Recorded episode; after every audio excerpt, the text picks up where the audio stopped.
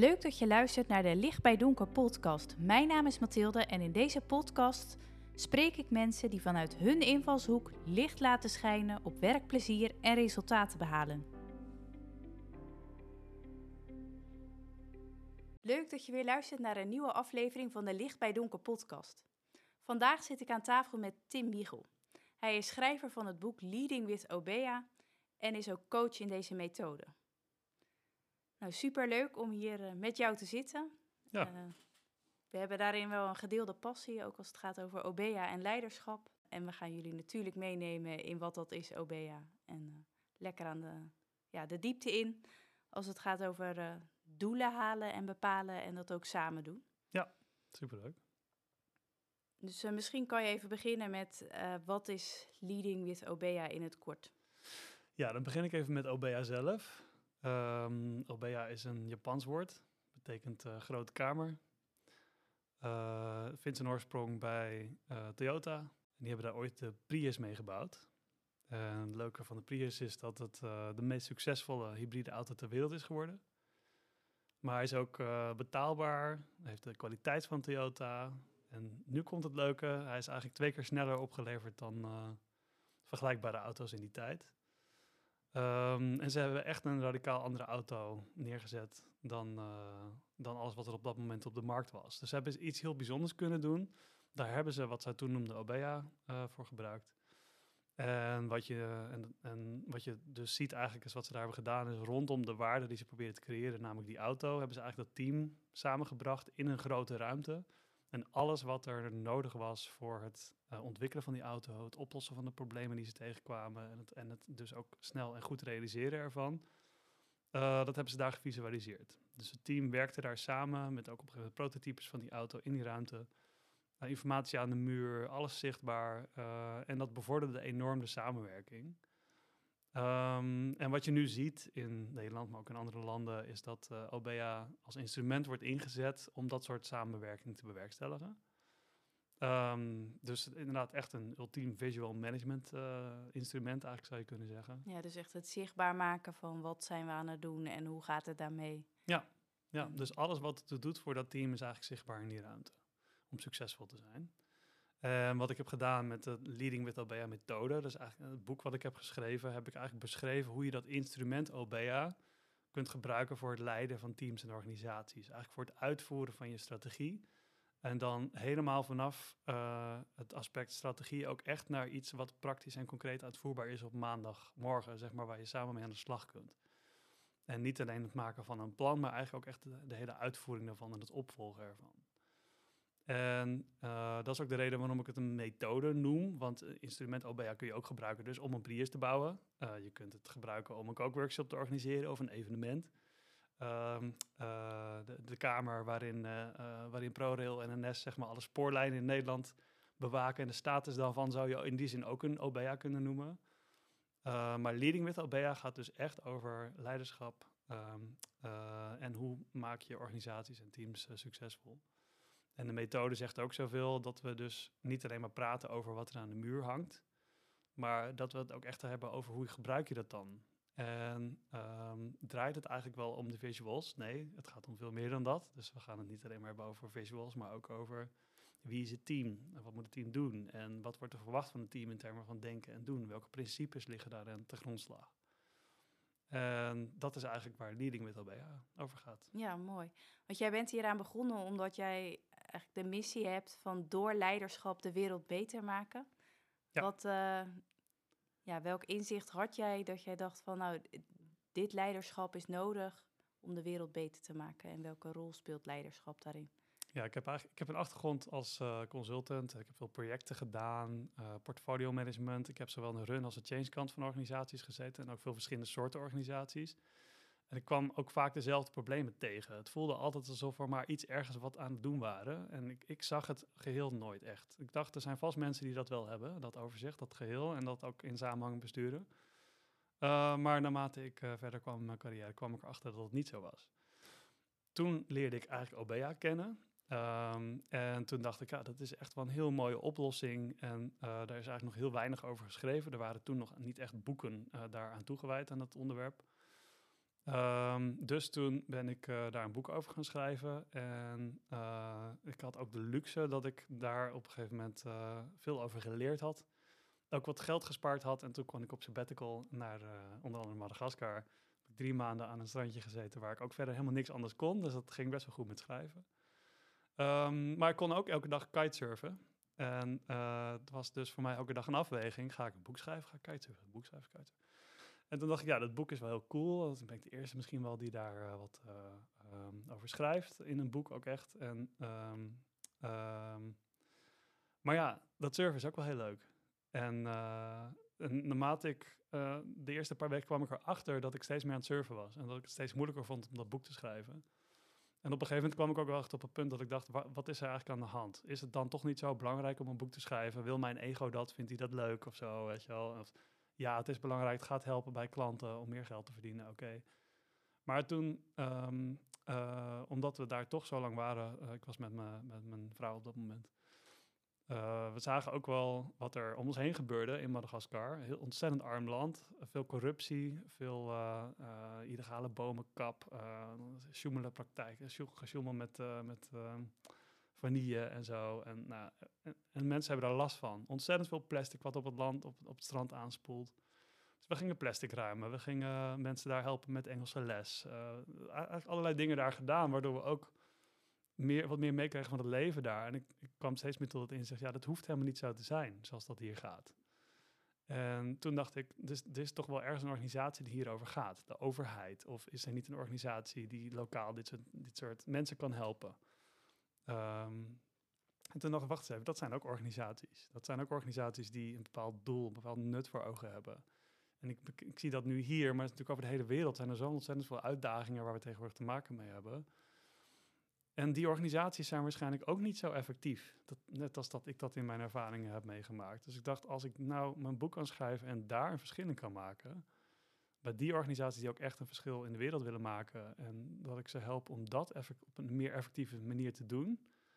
Dat zou heel gaaf zijn. Dan heeft het ook zin. Want dan ga ik deze sabbatical afsluiten met iets waarvan ik denk dat helpt de wereld op een veel grotere schaal potentieel dan dat ik alleen maar hier het plastic loop op te ruimen en daar een biertje voor terugkrijg als ik met een volle vuilniszak bij de bar aankom, zeg maar. Ja. Um, dus dat heeft mij eigenlijk wel echt doen doorzetten om dat boek af te schrijven. Want een boek beginnen te schrijven is makkelijk. Een boek afschrijven en gepubliceerd krijgen is echt is moeilijk. Ja, dat lukt de meeste mensen niet die aan een boek beginnen. Dus uh, nee. ja, mooi. En uh, nou ja, we, we, ik gaf het net al even aan, hè, van we zijn aan het begin van het nieuwe jaar. Vaak worden er uh, uh, doelen gesteld of zijn, organisaties, zijn ze in organisaties nog bezig om doelen te stellen. Ja. Wat, ja, hoe doe je dat goed met je team, doelen stellen? Ja, dat is heel interessant. Want ik, wat wij, ehm, ik heb eigenlijk een, een, trainingsbureau ook. Hè, en daar hebben we iets van acht mensen rondlopen. En ik heb dat dus zelf ook met hun moeten doen, doelen stellen. En op een gegeven moment zijn we zelf ook maar een OBA gaan gebruiken. En wat blijkt, het werkt best wel goed. Dus dat is, uh, dat is het goede nieuws inderdaad. Um, maar um, uh, ja, de doelen stellen is eigenlijk best wel makkelijk.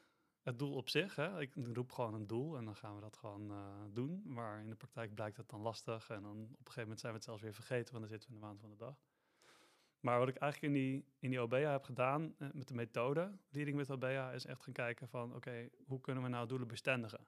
niet zomaar een doel roepen, leuk, dan gaan we achteraan rennen, maar ook echt zorgen dat we in, eigenlijk in een bepaalde structuur kunnen werken, waarbij we een, een jaarplan maken en dat niet meer een document is wat in de la eindigt en we allemaal weer mm. lekker aan het rennen zijn. In november misschien een keer afgestoft wordt als we moeten rapporteren. Precies, maar dat we eigenlijk uh, dat jaarplan tot leven brengen, levensgroot in een ruimte waar we ook met, met elkaar in gaan werken.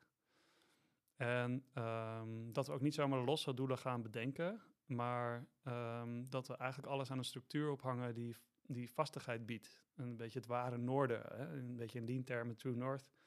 Waar willen we nou eigenlijk echt altijd naartoe? En dan kijk bij het eerste deel van die OBA, dat gaat over strategische richting. Um, en wat ik, uh, wat ik doe met het opzetten van zo'n OBA, maar ook elke keer als wij opnieuw echt serieus naar onze strategische doelen gaan kijken, dan gaan we dat hele deel gaan we langs. Dus kijken we als eerste even, waar zijn we nou eigenlijk van als team?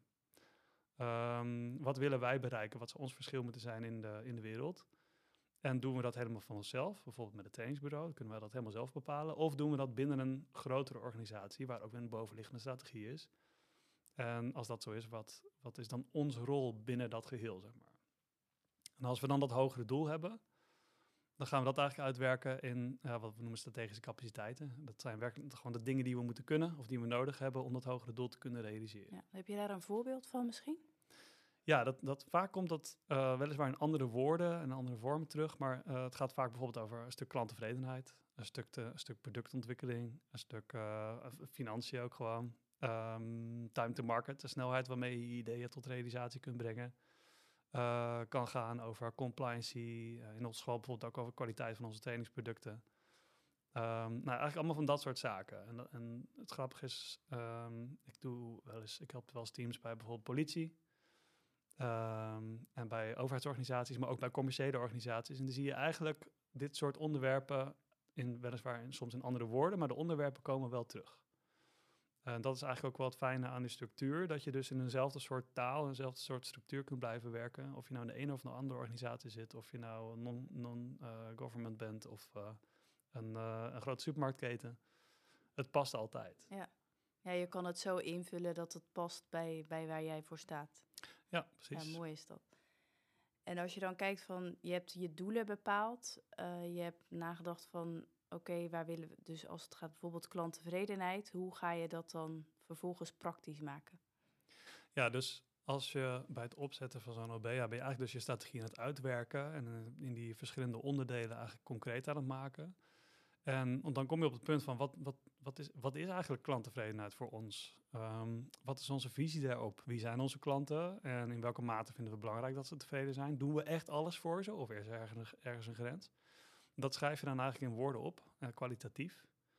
En um, dat geeft eigenlijk de richting, en daarom heet, heet dat deel ook van de OBA de strategische richting. En dat ga je dan daarna eigenlijk uitwerken bij de prestaties. Dus dat je ook zegt van, um, uh, oké, uh, hoe tevreden zijn onze klanten dan eigenlijk nu? Het leuke is bij veel teams waar ik kom, is dat helemaal niet duidelijk. Dus uh, uiteindelijk doe je alles voor je klanten, interne of externe klanten.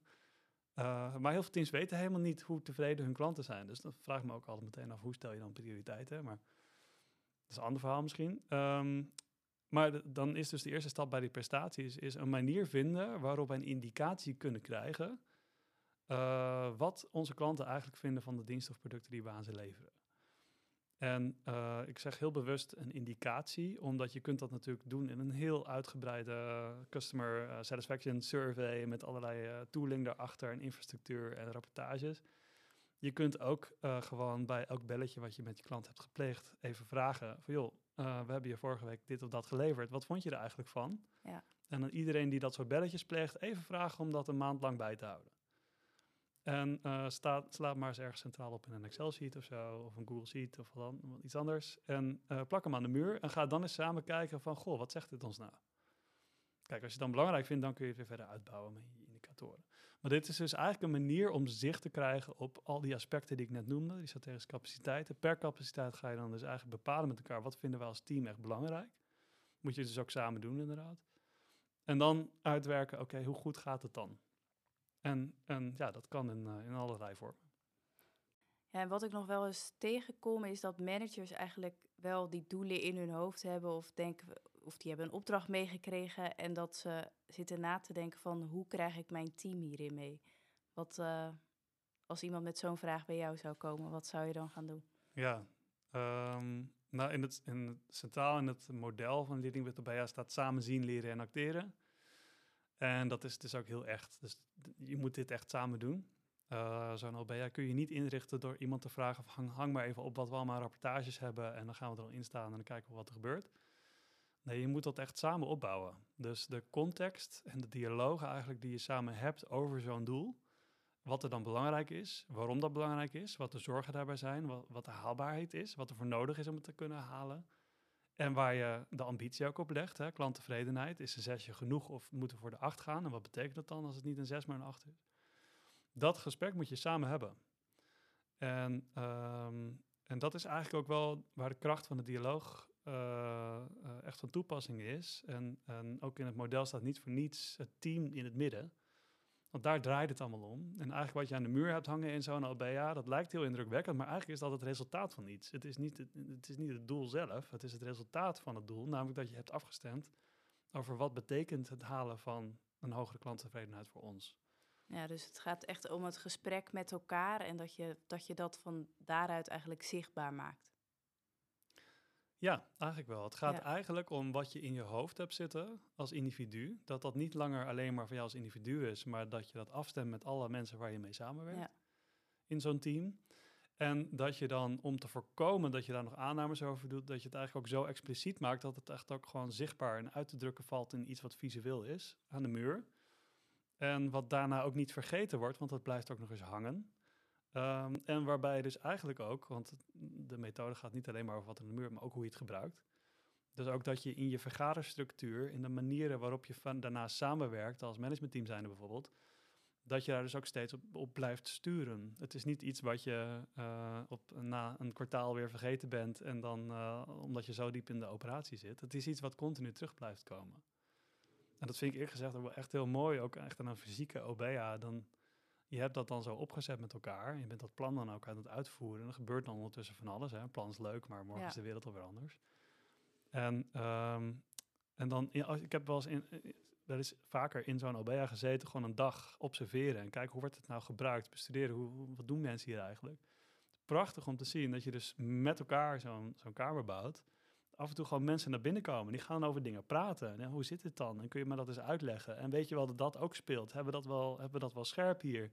Moeten we dat wel mee in onze volgende sessie? Uh, ja, en dan wordt er echt gewerkt. En, en, wij doen zelf OBA helaas niet fysiek. Dat, iedereen had dat graag gewild, maar er zijn ook veel parttimers, werken niet allemaal op dezelfde locatie. Dus het is best lastig omdat als we dat dan doen, dan is, dat niet, uh, dan is die OBA niet meer beschikbaar voor iedereen op hetzelfde moment. Dus we doen het virtueel.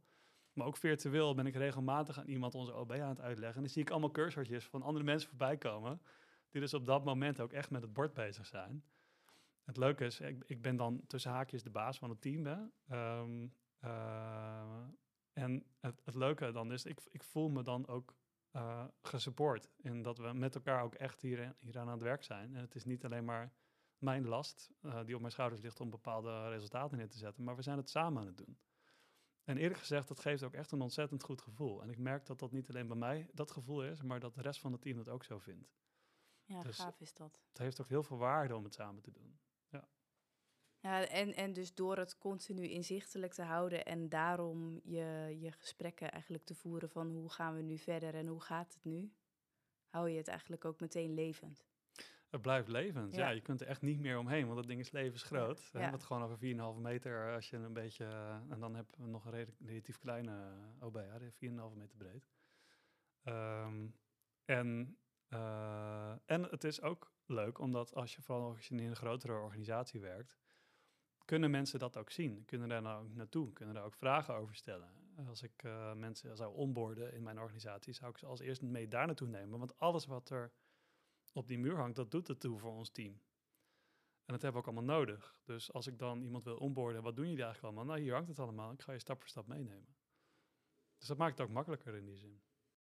Ja, dus het is, uh, doordat je het samen hebt, uh, ja, sta je er als leider ook niet meer alleen voor, of tenminste als eindverantwoordelijke van een team. En ga je dat veel meer verdelen. Uh, als je het hebt over delegeren, hè, want soms spreek je dingen af in zo'n OBA, hoe, hoe doe je dat goed? Ja, nog één ding trouwens. Ja? Ik, ik, gaf het voorbeeld van mijzelf als, als, als leider van een team. Uh, maar ik, ik, ik denk dat het ook heel belangrijk is dat het hele team samen het gevoel heeft dat ze het samen doen. En uh, wat we altijd proberen te doen als we teams hier mee te helpen starten, pak de analogie van uh, uh, het rennen van een, een hordenloopwedstrijd bijvoorbeeld. Hè? Die kun je prima in je eentje winnen. Je bent, een groep mensen, ben je die wedstrijd aan doen, maar jij kan in je eentje winnen. En als je over streep bent, dan kijk je daarna nog even achterom van, goh, hoe doet de rest het eigenlijk? En ik vergelijk altijd een team in een OBA met een pitstop team. Dus dat is ook een wedstrijd die je samen uh, aan het doen bent. Alleen uh, je hebt elkaar nodig. Dus er kan niet één iemand die wedstrijd winnen. Uh, want dan heeft niemand gewonnen. Dus je, je, je gaat elkaar ook gewoon intrinsiek helpen om te zorgen dat je samen dat doel bereikt. En dat is ook wel een van de effecten die ik zie, ook op de manier waarop we Leading with hebben opgezet. Bijvoorbeeld met die strategische capaciteiten. dat dat het gedrag is wat heel erg gestimuleerd wordt, maar waardoor het dus ook makkelijker wordt voor mensen om hun problemen zichtbaar te maken en ook samen aan te gaan werken. In plaats van, ja, jij loopt achter in de horde, maar dat maakt niet uit, want ik heb mijn uh, streep al gehaald. Ik ben al binnen, ik heb mijn bonus al binnen. Kijk, ik kijk wel wat het verder doet of zo. Ja, dus dat is echt ook een ander wezenlijke uh, ervaring voor zo'n team.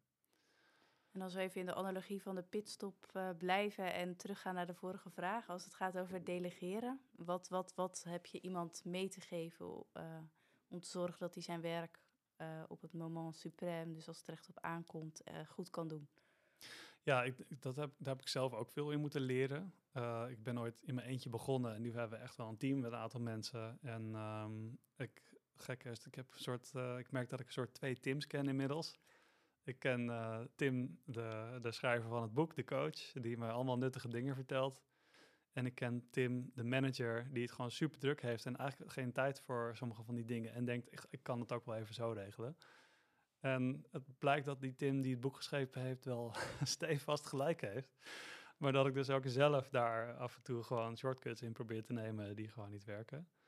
Ehm, en een van de lessen die ik daar ook in heb geleerd, nou, delegeren. Ik dacht, ja, we hebben een OBA. Um, en dat gaat ontzettend veel context geven over het grotere plaatje waar we met z'n allen mee bezig zijn.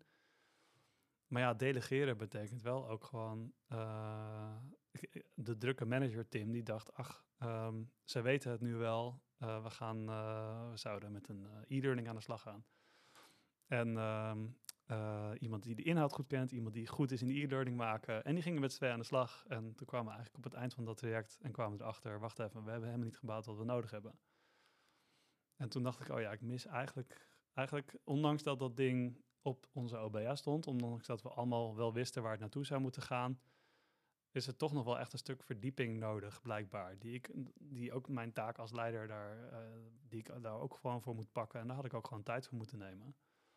Uh, we kwamen er eigenlijk achter dat ik gewoon stukken context niet had verteld. Of niet had uitgelegd. Wel in mijn hoofd had en ook wel had gedacht, dat snappen jullie ook wel. Maar dat is het probleem vaak met mensen die uh, dingen doen waarvan een baas of zo dan niet snapt, waarom doen ze dat dan?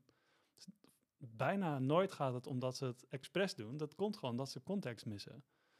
En context kun je eigenlijk alleen maar overbrengen door tijd met iemand te besteden. Van wat is eigenlijk ook weer het doel van wat we willen bereiken en in welke context willen we dat dan bereiken? En dan moet je niet precies vertellen wat er moet gebeuren, want ik ben niet de expert in e-trainings of e-learnings. Um, um, maar dan helpt het wel als je uh, inderdaad eigenlijk mensen wel echt even op goed op gang uh, helpt daarbij. En wat is dan in, die, in uh, als je dit over had gedaan, wat had je dan anders gedaan? Wat is dan goed op gang helpen? Nou, we hebben met z'n drieën geëvalueerd en ik denk dat het heel mooi uit is gekomen. We, hebben namelijk eigenlijk toen we erachter kwamen, hebben we meteen gezegd, oké, dit gaat, we moeten dit echt meteen even anders doen. Toen hebben we gezegd, joh, we hebben nu nog drie uur, laten we samen een werksessie van maken. Um, waarin ik eigenlijk ben begonnen met nog een keer helemaal opnieuw uitleggen van, joh, wat, wat willen we ook weer echt bereiken? Um, en toen hebben we dat als uitgangspunt gepakt om ter plekke uh, eigenlijk een basis neer te zetten voor dat product. En dat kostte mij dus wel wat tijd. Ik had het liefst helemaal geen... Wat ik dacht, ik, ik, besteed een uurtje aan met een stukje uitleg... en drie maanden later krijg ik gewoon een fantastisch e-learning product. En waar ik gewoon totaal zelf aan voorbij ben gegaan... is dat, je, dat ik veel meer context had moeten geven. Dus de context heb ik toen eigenlijk pas gegeven. En toen hebben we er pas samen richting aangegeven, stappen gezet. Als ik dat... Als ik die drie uurtjes die we toen hebben besteed aan het begin had gedaan, dan had ik denk ik wel na drie maanden echt een mooi product gehad. Ja, dus het, je, eigenlijk is je les van aan het begin investeren. Ja. Hoe zou je tussentijds kunnen checken of het inderdaad uh, klopt dat je niet na drie maanden met, tegen die verrassingen aanloopt? Ja, dat is een goede. Um, kijk, de manager Tim blijft zeggen: ik wil je zo min mogelijk tijd aan kwijt zijn. Want ik heb duizend dingen te doen en uh, ik wil eigenlijk het liefst mensen om me heen hebben die dit gewoon kunnen. Die gewoon mijn hersenen kunnen lezen en gewoon precies weten wat ik bedoel met één woord of zo dat lukt natuurlijk niet, dus dat kan niet. Dus je moet die tijd besteden. Um, wat we aankomend jaar gaan doen, om eigenlijk te kijken naar joh, hoe, um, uh, hoe ontwikkelen die producten zich dan waar we mee bezig zijn, is um, uh, dat we eigenlijk ook op managementniveau product demo's gaan doen. Ja, dus echt tussendoor laten zien ja. uh, aan jou van wat, wat is er ge gebouwd. Ja, en niet aan mij, maar met elkaar gaan bekijken van waar, waar, ja, wat, waar staan we dan eigenlijk nu, hoe ziet dat eruit? En dat kunnen hele kleine dingen zijn. Bijvoorbeeld, ik heb laatst wat dingen op de Frequently Asked Questions over een bepaald examen heb ik uh, geüpdate. Dat staat gewoon op onze website.